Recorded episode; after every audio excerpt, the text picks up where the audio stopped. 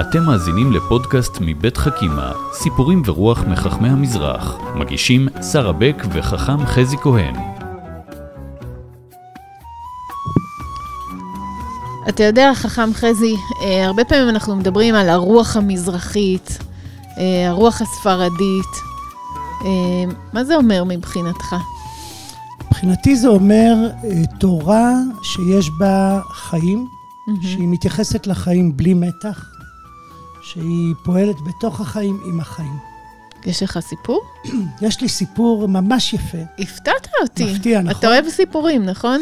אה, לעתים אני נכנס לחכימה וקורא איזה סיפור או שניים. והסיפור שלנו על דמות מעניינת, אני לא הכרתי אותה, אבל במסע הסיפורים שעשינו פגשנו את הדמות ואת הסיפור, וזה הרב מניני ביטן מזרזיס שבתוניסיה. תלמיד חכם מעניין, אחרי זה הוא זכה לעלות לארץ בשנות החמישים, והיה רב קהילה בצפת, והוא דמות מאוד מיוחדת, אני חייב לומר. ככל שקראתי עליה יותר, התאהבתי בה יותר. כן. והוא, אה, המצב הכלכלי בתוניסיה היה באמת מאוד מאוד קשה. אנשים לא זכו לאכול בשר בכל יום, ויום אחד מגיעה אליו אישה, דמעות בעיניה ועוף בידה, עוף שחוט בידה. אה, העופות פעם לא באו קפואים מהסופר, הם באו מהחיים ממש. אני חשבתי שככה הם נולדים. ככה הילדים שלי חושבים. יוצאים מהביצה. בדיוק. אה, קפואים בשקית ניילון אה, בוואקום. והיא מגיעה עם העוף אל הרב ואומר לו, תשמע, לקחתי את העוף לשוחט, השוחט בדק את העוף ואמר שהעוף לא כשר. יש איזו בעיה ברגל ימין. ולא, העוף לא כשר. והיא עם דמעות בעיניים, ענייה מרודה. זה היה אמור להיות סעודות השבת וקצת אחרי. והוא מסתכל ואומר לה, תשמעי, אני מסתכל והעוף כשר.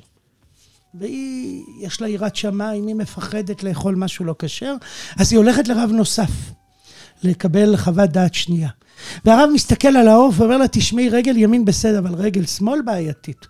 והעוף לא כשר. בגלל רגל שמאל, לא בגלל רגל בגלל ימין. רגל שמאל.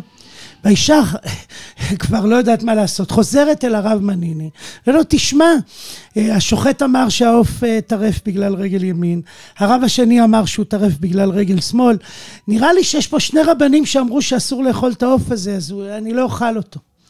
הוא אומר לה, תשמעי, אני מסתכל שוב, שומע מה שהרבנים אמרו, וצריך ללכת עם הרוב. והיא ככה בעיניים עצובות, כן, הרוב אמר שהעוף לא כשר. הוא אומר לה, לא, לא, להפך, הרוב אמר שהעוף כשר. היא אומרת לו, לא יכול להיות, זה לא נכון מה שאתה אומר. אז הוא יראה, תשמעי, שני חכמים אמרו שרגל ימין בסדר. אני והחכם השני. אני והחכם השני. ושני חכמים אמרו שרגל שמאל בסדר. אני והשוחט. אז תמיד יש רוב לכל רגל שהיא כשרה, ומכאן שהעוף כשר. לכי לשלום, את יכולה לאכול אחרי רבים להטות. אז סיפור קודם כל מקסים באמת. כן. זה לא שהוא אסר משהו ש... זה לא שהוא התיר משהו שהיה צריך לאסור. כן, אני חושב שכל אחד מה... אבל העמידה שלו מול האישה הזאת, היא באמת, כמו שאמרת בהתחלה, בלי מתח. נכון. הוא לא לחוץ, הוא מסתכל על הדברים כמות שהם. ובעיניי זה סיפור יפה, כי הוא מתפלפל פה, אבל הפלפול מביא איתו משהו אל החיים. הוא לא נשאר באיזה פלפול פילוסופי גבוה, אלא הפלפול הזה מאפשר לו להציג אמת פשוטה. Mm-hmm. ולתת חיים לאותה אישה. והוא עושה את זה במסגרת ההלכה. אני חושב שהמתינות הספרדית היא תמיד משוקעת בתוך ההלכה. יש טקסט מרגש אותי תמיד, שהרב יוסף משאש, שהוא מגדולי המתירים, בוכה שהוא לא יכול להתיר משהו, הוא אומר, אני לא יכול. כן. בסוף ההלכה מחייבת אותי, וכשאני לא יכול, אני לא יכול. ואני חושב שזה טקסט מאוד חשוב, כי הוא מסביר לנו גם את הגבול, הוא משחרר את המרחב. יש משהו נינוח. אבל העניין הזה של כוח דהיתר העדיף, הכוח של ההיתר הוא עדיף מהאיסור, נכון? נכון. שהוא יותר חזק מהכוח לאסור, זה באמת דבר שמאוד הוביל את, אה, את חכמי צפון אפריקה בעיקר. נכון. אני, אני מוצא אותו אצל כל חכמי המזרח, בצפון אפריקה בצורה מאוד בולטת, אבל למשל הרב עובדיה יוסף הוא אולי אחת הדמויות הבולטות במהלך הזה, mm-hmm. ואני חושב שיש פה איזו אמירה על החיים, לא להירתע מהם, וכשמשהו מותר, לא לפחד, לא לחשוש לעוד חומרה ועוד דעה מחמירה, אלא באופן בסיסי. עכשיו, זה לא אומר שחכמי המזרח כולם היו מתירים הכל, בכלל לא כולם הלכו עם כוח דהתרא, לא כל הזמן הולכים עם זה.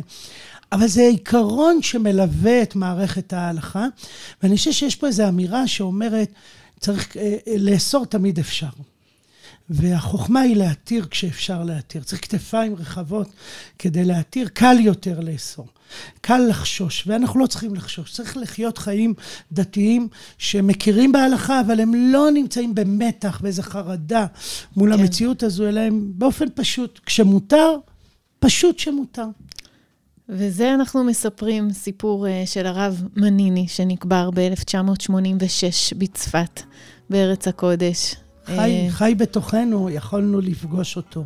מקסים. אם היינו עושים את חכימה לפני 30 שנה. או אם הייתה לנו תרנגולת.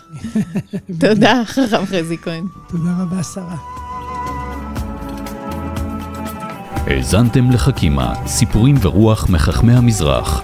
פודקאסטים נוספים תמצאו באתר חכימה מבית מטח, בתמיכת משרד החינוך, קרן אביחי ומשרד ירושלים ומורשת.